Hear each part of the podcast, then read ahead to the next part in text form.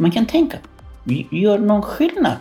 Därför att då plötsligt de känner sig mycket mer anonyma och trygga i den rollen.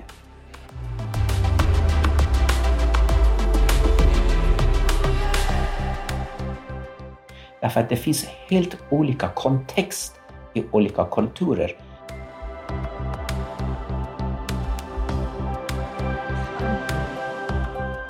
Hej och välkommen till Svampen! Vi är ST-rådet i Svensk förening för allmänmedicin, SVAM. Vi är ST-läkare och nyblivna specialister från hela Sverige och vi vill bidra till att föra allmänmedicinen framåt. I den här poddserien kommer vi att samtala med personer som på olika sätt brinner för att utveckla just sin del av hälso och sjukvården. De är alla eldsjälar och vi är intresserade av att få veta vad det är som driver dem och att lära oss av deras erfarenheter. Välkommen till Svampen! Hej! Eh, Emma Bro heter jag, ST-läkare i allmänmedicin. Och just nu sitter jag i centrala Växjö på eh, föreningen Noaks Arks lokaler tillsammans med dig, Farad Kagani. Och det är väldigt trevligt. Och du är ju verksamhetsansvarig här på Noaks Ark, Småland och Halland. Du är KBT-terapeut, interkulturell kommunikatör och sexualupplysare. Det stämmer. Mm. Välkommen! Tack. Vad roligt att du vill vara med. Ja. Berätta Farad, vad brinner du för? Jag brinner för att människor ska må bra. Jag brinner för ett bra hälsa. Som det är det som varje dag försöker jobba med. Och när du säger bra hälsa, vad tänker du på då? Det, det är bra. Därför att jag tror att rätt ofta vi är väldigt duktiga på att förklara vad som är en dålig hälsa. Vi nämner sjukdomar, speciellt jag som jobbar med sexualitet och relationer. Rätt ofta när två människor som har hittat varandra och har fått känsla för kärlek och sånt, när de vänder sig till någon vuxen eller till någon lärare eller någon som har i närheten och de säger ja, ah, jag har en partner. Det första kanske den andra säger, ja, ah, har du tänkt på att skydda dig? Eh, och därför att jag tycker att det är viktigt att kanske man ska komma ihåg och lyfta upp den positiva av hälsan. Åh, så härligt att du har börjat uppleva kärleken. Eh, och bra hälsa för mig är när individen mår bra både i kroppen och själen. Eh, och det är för mig det, är det som är viktigt. Och sen för mig är hälsa det är en väldigt stor del av livet. Du jobbar ju mycket här på Noaks ark. Kan du berätta lite om vad ni gör här? Noaks är en ideell förening som eh, jobbar med människor som har HIV. Vi jobbar med den synen som vi jobbar med hela familjen. Kanske en familj, kanske en individ har HIV, men vi ser att hela familjen har blivit drabbad av HIV. Som en som i familjen som bär på HIV-viruset, egentligen de resten av familjen också är drabbad av detta. Som här, vi erbjuder samtal med KBT-inriktat samtal, terapisamtal. Vi erbjuder människor att eh, de kommer hit och hittar varandra. Att de har andra människor i samma situation som börjar själv bilda ett nätverk. Vi ordnar sociala aktiviteter i vår psykosocialt stödverksamhet som vi har. Vi ordnar utbildningar för dem, helger eh, som de kan träffa varandra och få information och kunskap. Eh, samt vi har ett förebyggande del i verksamheten som vi har olika projekt som vi jobbar med att genom att berätta för allmänheten vad innebär att eh, vara en HIV-bärare eh, och då kanske förhoppningsvis bidra att först och främst att de skyddar sig på bästa möjliga sätt, som vi ska inte få flera som eh, är HIV-bärare i samhället. Plus att när de har rätt information, de kan bemöta de som har redan fått HIV på ett bättre sätt. Och sen, eh, sen fyra år tillbaka i tiden, vi har börjat med vår testmottagning som vi har HIV-testmottagning med snabbsvar. Som vi erbjuder att människor kan komma hit anonymt och få testa sig gratis. Och då man får svar på 15 minuter och då vi använder de 15 minuterna genom att ha ett motiverande samtal som förhoppningsvis nästa tillfälle som de hamnar i en sån situation de skulle tänka och skydda sig. Lite kort om vår verksamhet. Mm. Ja, det låter ju, det är ju väldigt behjärtansvärt. Är det. Eh, och du, visst finns ni på flera ställen i Sverige? Noaksak är en riksorganisation, riksförbundsorganisation som finns i hela Sverige, helt mm. rätt. Och därför att vi heter Noaksak Småland och Halland, då det är mitt arbetsområde som jag har Jönköping, Kronoberg, Kalmar och Halland. Sen det finns Noaksak Syd, Noaksak Göteborg, Stockholm, Norrland, som Noaksak finns i olika, som vi täcker hela Sverige. Okej, okay, då förstår jag. Men de senaste åren har du ju jobbat väldigt mycket med interkulturell kommunikation också. Helt rätt. Helt mm. rätt. Eh, faktiskt redan från början, som när jag började för cirka 26-25 år sedan när vi började. De första kontakterna som jag kom i kontakt med eh, var människor som kom från andra kulturer, andra länder. Precis som jag själv som kommer från en annan kultur. Och det gjorde att redan från början, vi har fått sån en historia här som vi träffar och jobbar med människor som kommer från hela världen. Vi har många svenskar också som är i kontakt med oss, men vi har de flesta som kommer från resten av världen också. Och då så småningom jag märkte själv, både som själv, genom det privata livet, jag märkte att det är många saker som är nytt som man måste ta åt sig och lära sig hur det fungerar. Samt många av mina kontakter som när de berättar till mig hur de upplever bemötandet i vården, med vården och resten av samhället. Eh, och då jag började tänka, aha, det, det, det är ett tomrum som vi försöker fylla på. Och jag tycker att det är jätteviktigt att genom mitt jobb att jag försöker bidra till att eh, som vårdtagare och vårdgivare har ett bra kommunikation med varandra och förstår varandra. Därför att det finns helt olika kontext i olika kulturer när man kommer med viss förväntningar, till exempel som en patient till sin läkare. Och om läkare är uppfostrad i sin egen kontext och då bemöter den patienten efter sina egna förväntningar, då blir det riktigt krockar. Mm. Och det är det som de senaste åren jag har jobbat med. Plus att, plus att de senaste 12 åren jag har jobbat med Eh, människor som från andra länder, unga och ensam, nu vi kallar dem eh, ensamkommande asylsökande barn som bor på ett HPV-hem. Men eh, där märker vi att det är stort behov, både när de kommer hit med tanke på att de är unga, det bubblar av hormoner i kroppen. De är fyllda med massor av funderingar och frågor. Och sen de kommer till ett nytt land som rätt ofta skiljer sig enormt mycket från den kultur som man kommer ifrån. Och det är det som jag jobbar mycket med de ungdomarna. Båda de här stora områdena som du berättar nu om, dels allmänt mot alla nyanlända från hela världen, men också mot de här, den här lite speciella gruppen som man liksom har isolerat i media mycket, att mm. Eh, det är de här ensamkommande mm eh, ungdomarna och barnen. Eh, det är ju saker som vi i vården också bemöter varje dag. Som både jag och många av mina kollegor upplever att man är dåligt rustad för att faktiskt få ut det mesta möjliga av mötet. Så berätta hur du jobbar eh, med eh, Eh, väldigt ofta när, när jag är hos vårdtagare, om vi vill kalla dem, då jag berättar rätt ofta hur den svenska kulturen är byggd. Att hur, vad innebär att vara sjuk? Vad innebär och hur vi ser på att behandlingen? Hur fungerar hela vårdapparaten? Och sen när jag är hos vårdpersonal, som jag är rätt ofta där, eh, på vårdcentraler, på infektionskliniken eller på olika, på olika enheter som vårdpersonalen är där, då jag rätt ofta berättar hur människorna som kommer från andra kulturer ser på hälsa, sjukdom, kroppen, behandlingen och allt detta. Som jag försöker bygga en bro mellan dem. Som det är det, som det beroende var jag är, jag försöker berätta om den andra sidan. Kan du inte berätta lite om det här nu? Eh, ja, och vilken sida du vill att jag ska berätta eh, Jo, men hur, eh, hur kan synen på till exempel sjukdom skilja sig? Just.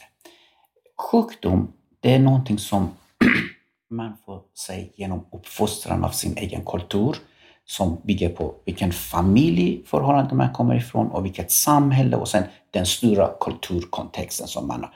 vi kan se till exempel landet.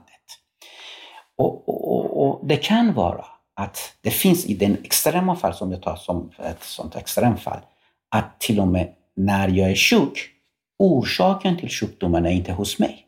Det är hos grannen som har onda ögat. Bland annat.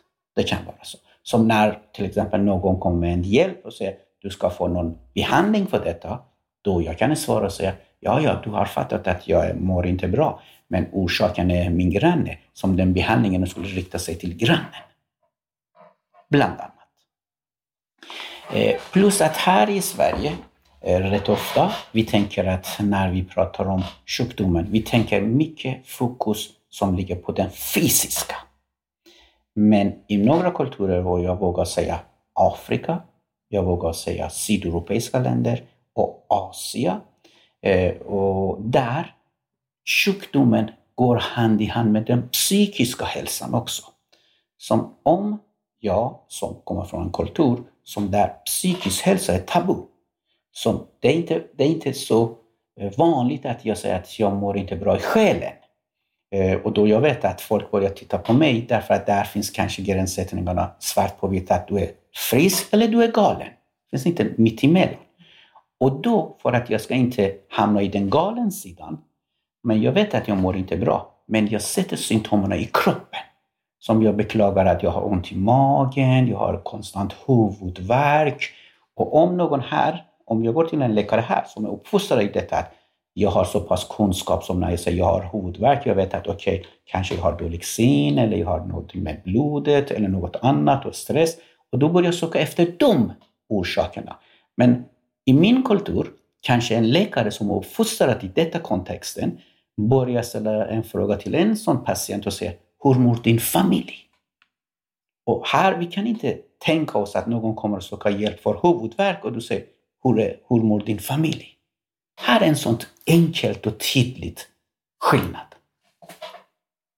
Hur tycker du att man som vårdgivare ska lyckas komma åt till exempel psykisk ohälsa som ju är ett väldigt stort hälsoproblem hos många nyanlända. Hur, mm.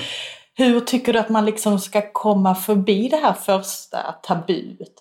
Jag, jag tycker att man ska, man ska göra som man är upplärd att göra. Därför att jag tycker att det är jätteviktigt att man är så stabil på den kontexten som man själv lever i. Så man ska inte göra något undantag på det. Men när man har den kompetensen att okej, okay, den patienten kanske kommer från en sån kontext som när man har det i tankarna, då kanske någon gång du ställer den frågan också. Förresten, hur, hur mår familjen? Och då du har öppnat en dörr som då patienten kanske rätt ofta känner igen det sättet att berätta. Ja, just det, nej, Ja, familjen, ja du vet, de är inte här och jag mår jättedåligt och jag är orolig. Och på kvällar jag tänker på dem och jag kan inte sova. Och kanske plötsligt du hittar, just det, varför patienter har sån problem. Hur tycker du att man ska komma vidare? Eh, från, så som vi har det nu så har vi ett, ett system där man på en vårdcentral i alla fall har väldigt korta besök. Man har ofta en telefontolk Eh, där man inte riktigt vet vem vederbörande tolk är.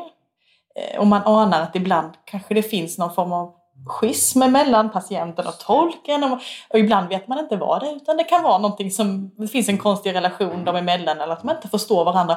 Det är ett stort bekymmer. Ja, och ett sånt enkelt tips ja som man kan tänka sig. Jag brukar göra så, vi använder väldigt telefontolk eh, av tydliga skäl att våra klienter, kontakter som kommer, eh, som de vill ha gärna att vi använder telefontolk. Men jag nästan aldrig nu för tiden, förut jag gjorde det, men jag gick på mina också misstag, som nästan aldrig, aldrig använder kontakten patientens namn. Man kan tänka, gör någon skillnad. Därför att då plötsligt de känner sig mycket mer anonyma och trygga i den rollen. Jag kan säga till tolken, du kan presentera dig. Tolken kan presentera sig. Sen jag kan säga, jag har en kvinna här, jag har en man här som vi ska sitta och ha samtal. Och då redan vi gav den tryggheten att den patienten, den människan känner sig väldigt trygg i den rollen. Just det, jag är trygg i detta. Därför att jag tror inte att namnet har någon, i det sammanhanget spelar någon roll. Och det är en sån enkelt tips som man kan tänka. Sen, vi och dem, om vi kallar på det sättet, eh, måste bli duktiga på kroppsspråket. Om jag ser en patient i en sån tolksituation, jag förstår inte språket, men jag förstår kroppsspråket. Om jag ser att de mår inte bra, kroppen blir jättestressad, blir väldigt spänd och så, då jag fattar att det är något som funkar inte och då jag stoppar samtalet.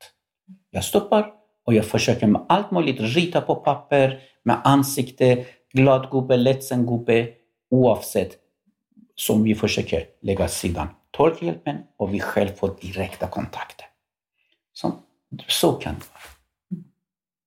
Det var ju ett väldigt, eller, väldigt konkreta tips. Det ska jag ta med mig själv, känner jag. Ja. Och, och det rubbar inte något, något budget till någon arbetsplats eller så, så enkelt kan det bli. Verkligen. Ja, och det var, nu pratade vi lite om, om bilden eh, på, på sjukdom. Om man tänker lite mm. mer eh, kulturellt, så, när man kommunicerar hälsa, hur, hur, hur kan det skilja sig? Jättebra faktiskt. Bra fråga. Eh, därför att vi har olika, olika sätt att se på hälsa. Till exempel, jag tar till exempel. Vi ser att en mamma som, som patient som har inte träffat sin son eller sina barn eller sin man eller sin familj på länge. I kulturellt uppfostrande, en mamma ska vara orolig för sina barn. Okej? Okay? Och sen om du ställer en fråga, bara så. Hur mår du?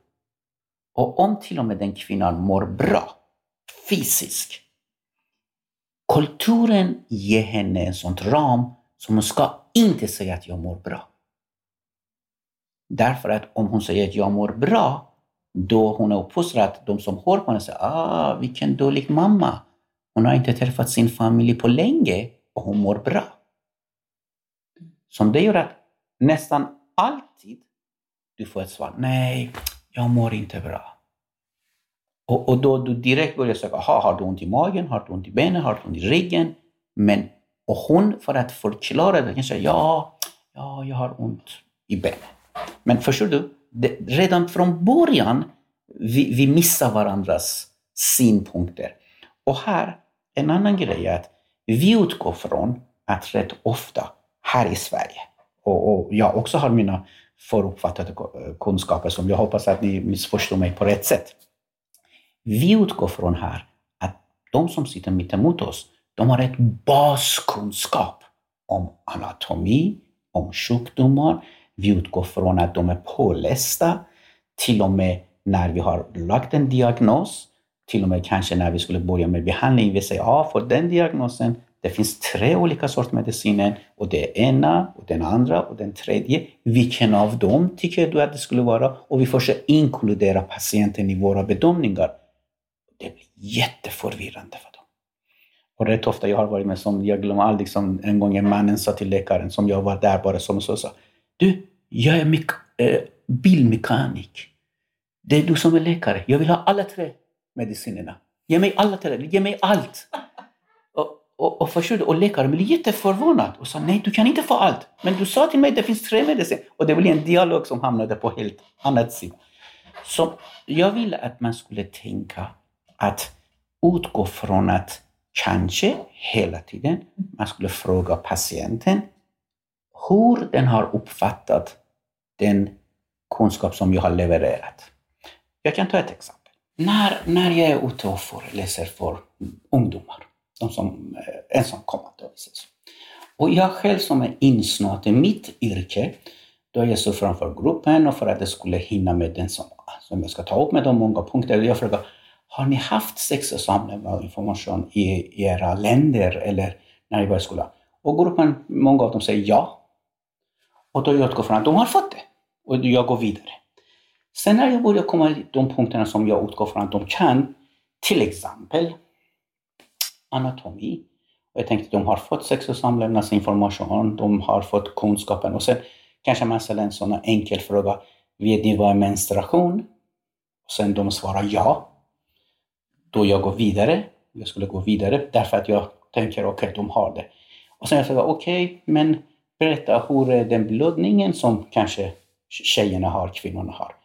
Och jag har fått sådana intressanta svar som jag har fått till exempel någon som svarade Ja, ja, men det, det är förlåtningen som kommer. Ja, bra. Hur, var, varifrån kommer det? Nej, det är ormens blod. Och jag stod framför hela gruppen. Jag måste vara professionell. Tappa inte ansiktet. Börja inte skratta. Eller, eller bli lite förvånad. Ja, intressant. Ormens blod, okej. Okay. Menstruation och blodet. Vad är? Ja, ja, det, det är paradiset när, när hon sträckte sig för att plocka så och då är straffet. Och då vi har fått detta och sen det är ormens blod som påminner oss att detta. Och detta för den gruppen eller för den individen, det är kunskap. Mm. Och om vi hade inte skrapat på ytan, om vi hade inte ställt den frågan, jag hade utgått från, ah, du vet menstruation och blödning och så. Ja, det vet jag. Då jag hade gått i min tanke, i min värld, ja hon vet. Och jag trodde hon vet den som jag tror att jag vet. Förstår du? Här blir ett exempel som vi utgår. Vi måste hela tiden checka av vad som jag tror och vad den andra tror. Det är jätteviktigt. Det låter som att det handlar väldigt mycket om ömsesidig nyfikenhet på något sätt. Hur, hur båda sidorna egentligen uppfattar personen man har mitt emot sig. Eh, men som jag tänker då, som både när du står och föreläser men också när man då som, som vårdpersonal sitter och har en patient framför sig så hamnar ju ofta patienten i ett underläge. Och hur viktigt det är då för vårdpersonalen att vara den som försöker skapa byten. Exakt. Och vara var på något sätt en respektfullt nyfikenhet. Det, det är det som jag tycker är viktigt. Därför att ibland när man är stressad, när man har inte så mycket tid, du vet att din nästa patient väntar snart, du måste hinna att läsa in i journalen. Så kanske du ställer de rutinfrågorna på ett visst sätt som patienten tolkar att det var inte respekt i de frågorna. Och då plötsligt man går in i sitt skal, taggarna utåt och de börjar på något sätt motarbeta hela situationen. Och då man förlorar den kontakten som... Och jag, jag, förstår, jag har full förståelse att Stresset, arbetet, tiden. Tiden är den bristvaran som många vårdpersonalen skriker om det och det är helt rätt. Men ändå, jag tycker att man måste bygga en sorts förtroende. Och hur? Jag tycker att sådana enkla, enkla grejer. Nu när vi sitter och pratar med varandra, vi tittar i varandras ögon och jag upplever att du har väldigt bra kommunikation med mig. Du tittar i mina ögon. Du tittar inte på dina händer. Du tittar inte på anteckningsblocken som du har framför dig. Du tittar inte på bordet. Du tittar inte på golvet. Du bara tittar rakt på mig. Och den, den ger mig en signal. Hon ser mig. Och det är respekt. Mm. När patienten kommer in i rummet, jag följde, jag vågar säga flera hundra gånger mina kontakter till sina läkare, respektive läkare. Och jag är bara som en fluga på väggen, för stöd för dem. Och när vi går in och jag ser helheten kanske från min synvinkel. Och jag tycker att det har funkat bra. Sen vi kommer ut och jag frågar min kontakt, hur upplevde du den situationen som du var där med din? Och de säger, ah, nej, han, hon, hen var inte bra. Jaha, och varför? Nej, såg du inte när vi gick in, hen kollade på sin dataskärm och när hälsade till mig var inte ens fick ögonkontakt. Sådana enkla grejer som kanske jag missar och vår personal kanske missar. Eller det händer att ibland vi går dit och sen när vi kommer ut och frågar dem igen, jag vill hela tiden checka av, okej, okay, upplevde du att det var ett bra tillfälle som du var hos din, din vårdpersonal, din läkare? Och det, det kan hända att de svarar och eh, säger, ja, men alltid jag är förvånad hur de kan sätta den diagnosen utan att ens de har rört på mig. Och det är också en sån tips som kanske när man kommer in, bara att gå in fram och sträcka handen och skaka på med handen med varandra. Eller kanske till och med lägga handen på axel. Eller när man skulle komma ut, ändå man tittar precis som man brukar göra. Som jag menar, låt inte stressen ta över den delen som man skulle få bygga ett förtroende till patienten. Och då man behöver inte lägga så mycket tid på det. Nej, det låter ju enkelt när du säger det. Och det är enkelt. Ja. Det är enkelt. Men kanske, kanske man tar för givet Att, och därför att jag tycker att varje patient ska behandlas som en plötsligt, det är min första patient när jag är pigg och glad och när jag kommer till jobbet och så. Kanske man gör första, andra, tredje, men sen kanske femte, sjätte, då jag är trött. Som jag tycker att det är viktigt att man påminner sig. Att varje, varje individ som kommer in, jag ska ha ögonkontakt oavsett hur stressad jag är. Mm. Den pensionären ska känna sig att bli hård och bli sedd. Nej, det är, det är ju som du säger, det är ju basalt, eh, verkligen. Men det är ju, jag vill gärna återkomma till det här med telefontolkarna mm. för det, mm. det kan vara väldigt svårt. Du sa, det var ju det är jättebra tips med att faktiskt eh, ha, hålla patienten anonym inför. För ibland upplever jag att, att det är många, alltså i en viss kultur så känner man varandra därför att på, de är inte så jättemånga och har man otur så kommer tolken. I helgen från... kanske man är på samma fest. Precis. Och då plötsligt jag har suttit och blottat mig framför en människa som jag skulle vara på samma fest. Det är väldigt, ja. väldigt känsligt. Just det. Och vi får ju ofta lära oss, när vi lär oss eh, konsultationsteknik så lär vi oss att ställa öppna frågor. Vi lär oss att efterfråga farhågor och förväntningar, föreställningar. Vad vill du få ut av det här?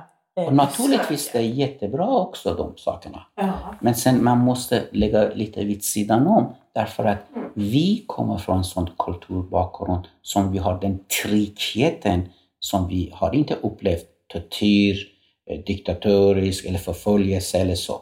Som när de sitter framför oss. Vi måste ha en, som jag, jag brukar använda det ordet, en kulturellt empati om vi har utvecklat en kulturell empati hos oss, då vi har den förståelsen att den människan kan bli livrädd att höra bara en som har samma dialekt och kanske ett manlig röst och plötsligt kommer sådana eh, såna flashback tillbaka. Aha, han som torterade mig, det låter precis så. Mm. Som, jag, jag tycker att om man har den kulturella empatin då vi måste bli duktiga att läsa av kroppsspråket. Igen, jag är där. Kroppsspråket och vad, se helheten. Se patienten i helhet. Hur hen sätter sig på stolen. Hur hen är bekvämt i svar. Många gånger nu när jag jobbar med de som har inte uppehållstillstånd och kämpar att få uppehållstillstånd. Rätt ofta jag märker när jag ställer en fråga till dem, oavsett i vårt sammanhang eller i ett annat sammanhang, de är livrädda att allt detta ska påverka deras uppehållstillstånd som de på, på väldigt få sekunder läser av mig, skannar av mig och de försöker tänka vilket svar som de skulle ge mig som jag ska bli nöjd och då jag får det svaret. Förstår du? Jag förstår. Och det är jätteviktigt att vi är medvetna om det. Mm. Att förklara till dem min roll här som läkare eller som sköterska eller som vårdpersonal har ingenting med ditt fall hos Migrationsverket och kanske det låter väldigt basalt. Men det är jätteviktigt att vi påpekar detta. Annars de sitter där livrädda, livrädda för att därför att om man kommer från ett diktatoriskt land, all information om mig kan användas mot mig. Och då plötsligt sådana enkla frågor. Vad heter du? Du, man sitter och ser dem i ögonen. Aha, man, man ser att hjärnkontoret har varför hon vill veta vem jag är. Sådana enkla grejer. Eller, eller varifrån kommer du? Vi, vi tror att vi skulle öppna en sån dialog som vi skulle göra att de känner sig bekväma. Men plötsligt kanske vi skrapar och tar bort ett sår som kanske har läckt. Så vi måste bli lite medvetna att det ska bli lite eh, eh, på ett sätt att de känner sig trygga. Återigen, då det är också ett väldigt konkret tips du kommer med här egentligen. Det handlar ju om att helt enkelt klargöra för patienten då vem man själv är och vad man har för roll här. Och kanske till och med poängtera sekretess och sådär också om man känner att man har någon form av eh, någon sån störning i kommunikationen som du beskriver nu. Och, och vi är så marinerat i vår egen samhällskultur som när vi säger bara att ja, ja, här är sekretess och vi utgår från att den andra ska köpa den 100 procent. Mm. Men rätt ofta de säger så här, ha ha ha, just det, trodde inte att jag har hört den hundra gånger att jag har sekretess, men vad har hänt med mig? Men de tänker, men de säger inte. Som, därför är det viktigt att klargöra, och inte bara vem jag är, kanske är bra att säga att vad, vad är som jag är kapabel att hjälpa till. Och vad menar jag med det? Till exempel, att någon kommer till mig och söker vård och hela tiden säger jag kan inte sova på nätterna, eh, jag har problem med det, jag vill ha medicin. Och om jag kan inte situationen och ett viss förstörelse, efter ett tag kanske då personen säger till mig, kan du skriva ett intyg att jag mår inte bra? Därför att de tror kanske det intyget ska hjälpa dem i deras fall hos Migrationsverket. Och de har rätt eller de har fel, det vet jag inte. Men ändå kanske jag som vårdperson måste klargöra för dem. Jag är här för att hjälpa dig med den besvär som du har i kroppen. Sen kanske finns de som har skrivit någonting, intyg eller något som skulle hjälpa till. Men det är viktigt att vi är klara från början.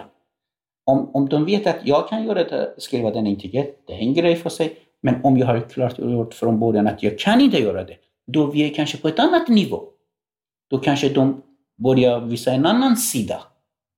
Också väldigt eh, viktigt att tänka på det, just att, att markera gränserna. För det kan man ju som svensk, tänker jag, inte förutsätta att alla nyanlända vet. Så det är ju det är väldigt bra konkret tips. Eh, och, och nu, vi har pratat väldigt mycket om själva bemötandet ja. men, och, och hälsoperspektiven. Ja. Men jag vill gärna ta upp lite grann om själva behandlingen. Gärna, gör det. Rätt ofta, jag, jag säger jag själv kommer från en sån kultur och då många av mina kontakter som har andra kulturer. Synen på behandlingen också är speciellt. Det är mängden av medicin som är väldigt avgörande. Eh, jag har, jag har sådana citat som jag älskar när jag har hört och jag har fått tillåtelse att använda. Och det var en, en man, en eh, man som var lite gammal, i hans egen ögon, hans egen ögon, som var hos läkare och läkaren eh, pratade, kom med diagnosen och sen sa ah, det är för, för den som, eh, det besväret som du har, jättebra för dig att du dricker vatten. Drick lite mer vatten. Och han suttit där och sa ingenting väldigt artigt tackade läkaren och vi kom ut tillsammans. Och sen jag frågade honom, hur känns det? Som jag brukar alltid göra. Och han sa, du, i Sverige, de har bara vattenläkare. De har bara vattenläkare. Och jag, jag frågade, vad menar du? Han sa, vet du hur många gånger jag har varit hos dem och de hela tiden säger till mig, drick vatten. Och, och, och jag vet, han hade besvär, han hade huvudvärk och jag, jag tyckte att det var rätt, man ska dricka vatten. Men till och med om jag ska förklara detta, kanske, kanske den läkaren utgår från att den andra vet om att just det, kanske det, det gör att när det är brist på vatten, då kanske det blir på det sättet och då orsaken blir att jag får ont i huvudet. Men till och med om du skulle rekommendera att de skulle dricka vatten, kanske är bra att förklara varför. Och utgå inte att ja, den andra förstår att vatten är bra att dricka.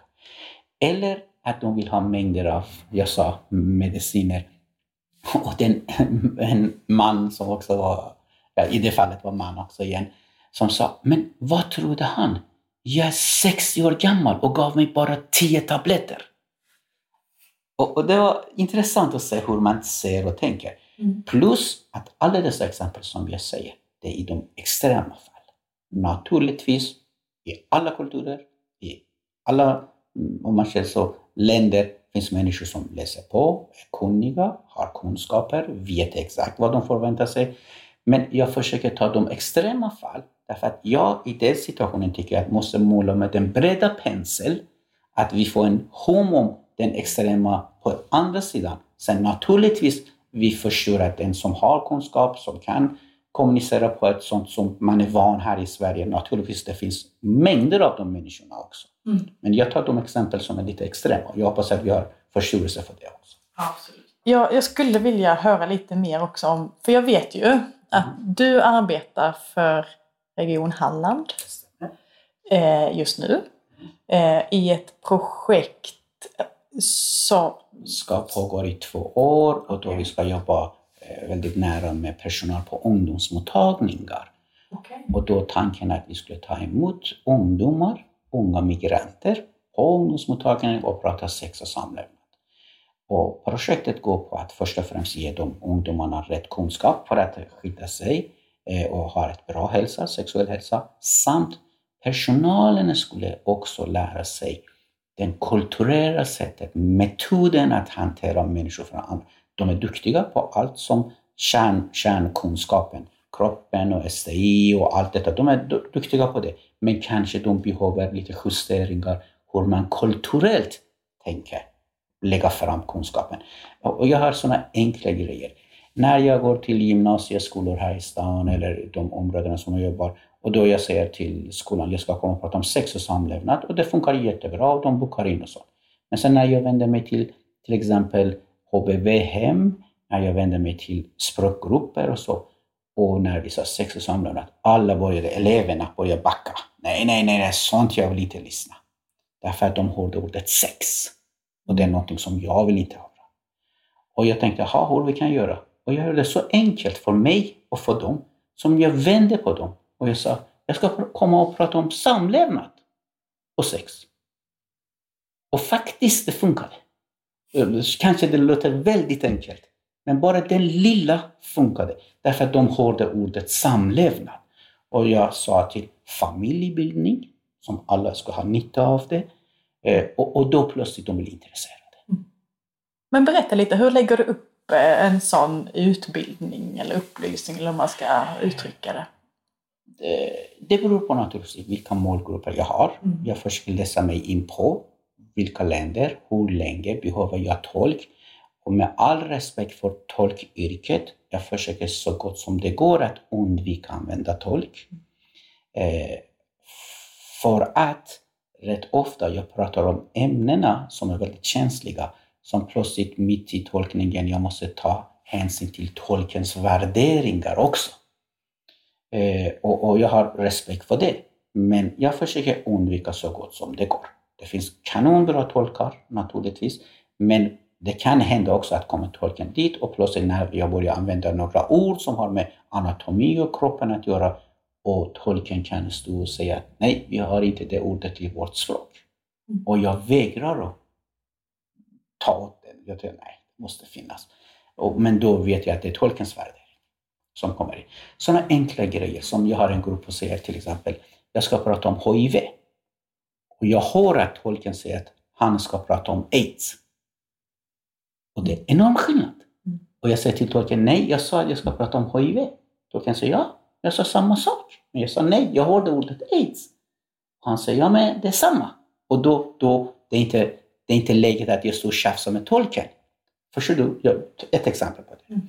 Men när jag har gruppen framför mig, då jag försöker prata om när man kommer till ett nytt land, nytt kultur, nytt språk, nya normer. Vad innebär det? Hur skulle jag landa där? Eh, sen jag pratade om språk, lite enkla tips. Till exempel, många av dem kanske har varit i Sverige några få månader eller kanske i bästa fall ett år. Då de har lärt sig många nya ord och rätt ofta när det gäller relationer, sex och samlevnad, de har lärt de ord som man lär sig väldigt snabbt. Till exempel hur man kan uttrycka sig i en sån sexuell eh, situation och då blir väldigt, väldigt, väldigt kanske fel i en sån situation. Och jag försöker ge dem alternativord. Jag försöker ge dem ord för sin egen kropp. Som språket är så. Sen jag tar väldigt ofta anatomi. Oavsett vilken bakgrund de har, vi tillsammans, jag och de, försöker gå steg för steg genom den anatomiska som har med sexualitet att göra. Killarna och tjejerna. Som jag nämnde till exempel, till menstruation. Och sen med killarna. Vad innebär att växa? Vad innebär, vad händer i kroppen? Eh, vad är som är nytt? Vad som man skulle vara medveten om det? Tankarna, kroppen. Och sen så småningom ledde det till att jag började prata om relation. Jag började prata om hur känns det att bli kär. Eh, och lyfta upp den positiva, att det är härligt att det händer och vad händer med kroppen. Och sen när jag har tagit upp det, då jag kommer till norm och lag igen. Till exempel att i Sverige finns ett lag som man måste ha fyllt 18 för att gifta sig. Några av dem som sitter där kanske har planerat redan att de gifta sig med sin kusin som från hemlandet som är 16 år. Det är bra att de vet. Jätteroligt att du har en partner som du har redan bestämt dig, men du måste vänta tills den andra också fyller 18. Till exempel att i Sverige vi har en sån lag som säger att man, skulle ha, man kan ha sex med de som har fyllt 15. En sån enkel grej, men för dem kan bli väldigt, väldigt viktig information. Jag förklarar väldigt tydligt vad skillnaden mellan hångel och ha sex. Rätt ofta man blandar ihop det. Om någon partner säger jag kan tänka mig att vi hånglar och jag tolkar att vi kan ha samlag. Det blir helt fel. Helt fel blir det. Och sen naturligtvis jag försöker ta upp lite STI så gott som jag hinner. Och då jag gör ett val, om jag har tid, jag går igenom hela batteriet med allt från eh, kondylom, klamydia, HIV, herpes, gonorré, syfilis. Men alltid det blir så ont om tid. Som de sista tiden jag märker att jag har valt att prata lite HIV och aids, som det är röda tråden, alltid i mina information, men lyft upp mycket klamydia. Därför att i de åldrar som de befinner sig kanske det är en av de eh, sjukdomarna som man måste prata, könssjukdomar som man måste prata mycket med. Och sen jag alltid avslutar med kondomkunskap. Som ser ut ett pass när jag har de tillfällen. Och det är, i det här fallet är det regionen som har anlitat som har finansierat, finansierat eh, projektet Just. som det skulle vara. Och det är på ert initiativ? Ja, vi, vi, vi gjorde en kartläggning som vi har gjort en kartläggning i många områden. Vi har gjort i Jönköping, vi har i Kronoberg och vi har i Halland också. Och genom kartläggningen kommer fram att både målgrupperna ungdomar och unga vuxna ungdomar, ungdomar de har den bristen. Plus att personalen och de människor som jobbar med dem också påpekar att de märker att det är stor brist gällande de kunskaperna hos dem. Som det är inte vi som har skapat något behov. Vi bara lyfter upp det att det finns ett behov och vi har verktyg för att hantera det. Och, och då har regionen tagit åt sig och faktiskt det var så att vi hade först ett projekt som skulle jobba med de frågorna. I projektet gav utrymme för 10% tjänst. Och sen efter två år som vi var eh, aktiva där och började jobba, de, de märkte själv redan att det har funkat jättebra och nu de har utökat den tjänsten eller det projektet där det ska bli tre heltidsanställda som jobbar och de vill ha, täcka hela länet. Som i Halland, man har fått möjlighet. Fantastiskt. Hur ser den möjligheten ut i övriga Sverige? Det, jag hoppas att det behövs inte. Förstår du vad jag menar? Som, ja, som jag brukar ska jag säga, varje dag jag kommer till mitt arbetsplats för att jobba för att det ska inte finnas det arbetet. som, som jag hoppas de andra jobbar bra, som det behövs inte. Jag säger inte att Halland jobbar inte bra, men men jag tror det behovet finns i många områden. Mm. Jag tror det behovet finns i många områden. Mm. Och tyvärr, tyvärr jag måste säga, eh, sexuell hälsa hamnar mellan stolarna. Och jag har fortfarande det finns många stora andra frågor som man skulle ha, men rätt ofta den hamnar mellan stolarna. Och, och därför att jag säger att hälsa i helhet är jätteviktigt. Därför att jag tycker att om jag börjar prata om sexuell hälsa, så ha, ha, ha, detta, men jag pratar om hälsa. Så sexuell hälsa är en stor del också av hälsa. Eh, och nu när du pratar om detta med grupperna, jag skulle ta upp det nu faktiskt en, en av de sakerna som jag handskakar med varje dag nästan, dagligen. Det är så att många av dessa människor, dessa härliga ungdomar som har kommit hit, nu det, det, det är så att nu de börjar få sådana negativa besked att de ska inte få stanna här i Sverige. Och tänk att du är som en ungdom. Du har, du har på något sätt har gått igenom ett sånt helvete att ta sig hit. Det vill säga i Sverige eller till ett värdland. Svänger om, så inte Sverige helheten. Och ibland familjen har satsat allt sina tillgångar för att rädda sitt barn. Mm. Och du har kommit hit och sen nu du får kunskapen att du ska inte stanna. Och då med vilken motivation du ska sitta och lyssna på kondomkunskap. Vad har relaterat till min situation? Mm. Och det är en av de sakerna som jag måste hantera. Och jag har gjort så gott som jag kan. Men jag, jag använder ett sätt som jag kan berätta till er som kanske det också blir en metod som man kan ta åt sig och använda i andra sammanhang. Mm. Och jag, jag börjar samtalet med dem på det sättet. Jag säger att jag själv som har gått igenom samma väg som ni har gått det. Den dagen som jag fick svaret att nu, nu jag ska fly och då jag hade 15 minuter på mig att samla och packa in en väska. Och då jag kunde ta en liten resväska, slänga in mina kläder och sen jag trodde jag kunde ha den med mig. Men efter dag två, mitt i berget, när man blir trött att bära dem, man slänger dem. Den dagen som man befinner sig där i värdlandet som man skulle använda, rätt ofta, många av dem har bara sina kläder som de har på sig. Mm. Och då jag säger att tänk att hända samma situation med er igen. I det värsta fall. Att kommer en dag som ni måste lämna Sverige. Om ni tänker nu, vad är det som man kan ta med sig från Sverige? Oavsett du har varit här ett år, två år, eller tre år eller fem månader. Vad är det som du kan ta med dig? Kan du ta med dig en stor resväska eller en liten resväska? Kan du tänka dig att igen du förlorar den på väg tillbaka? Men det finns något som ingen, ingen kan ta från dig och det är kunskap. Och jag är här idag för att ge dig en kunskap som du kommer att ha nytta av den oavsett var du befinner dig i världen och kanske till och med du hamnar i ett sådant land som kanske den sorts kunskap aldrig mer du har möjligheten att få det. Och med det lilla försöket, jag försöker ge dem en motivation. Okej, okay, med all bekymmer som du har, men ta en paus på två timmar, tre timmar som vi ska sitta tillsammans och, och försök ta dig en kunskap som du har nytta av i livet. Och det funkar. De är kloka.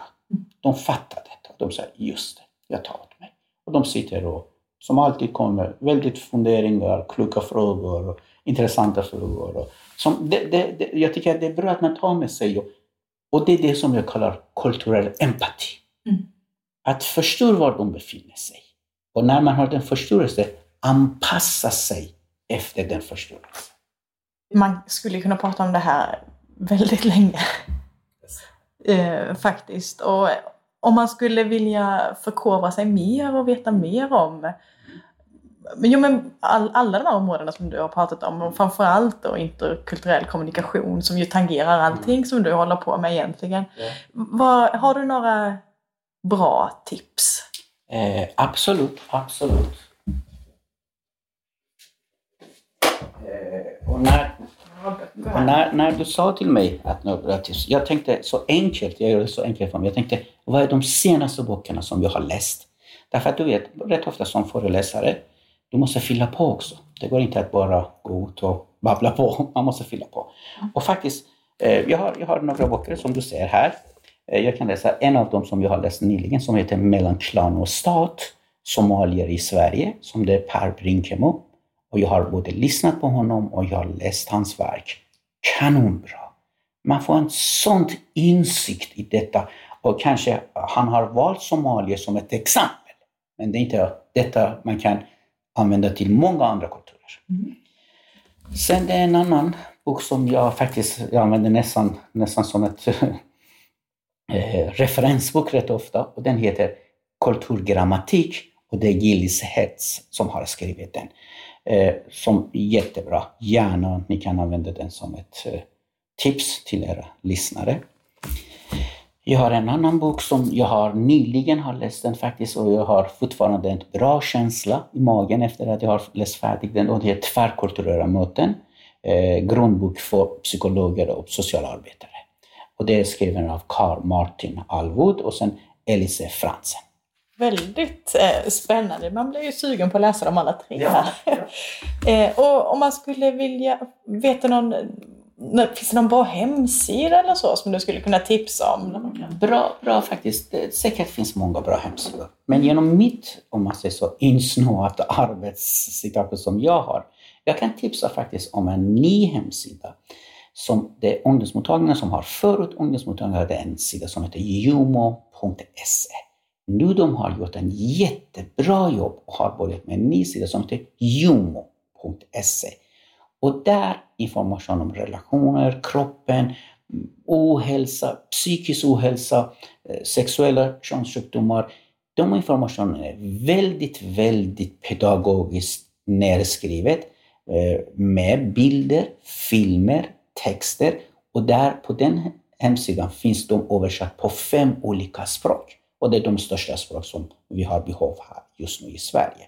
Som jomo.se gärna ni kan använda som ett tips. Bara gå dit, sök lite grann och känna dig bekväm där. Därför att jag tycker att rätt ofta jag själv som sitter och behöver att veta lite grann hur jag ska lägga mig, där det finns många bra tips också. Hur man kan lägga sin information. Speciellt med relationer, psykisk ohälsa och kanske eh, säg könssjukdomar. Jättebra tips samtliga. Eh, stort tack för att du ville vara med Farah. Det var mycket matnyttigt vi fick till livs här. Och tack själv som eh, jag, jag känner mig också här att eh, vara med mm. det tillfället som jag kunde berätta lite grann om mina kunskaper. Jätteintressant. Tack så mycket. Lycka till. Tack.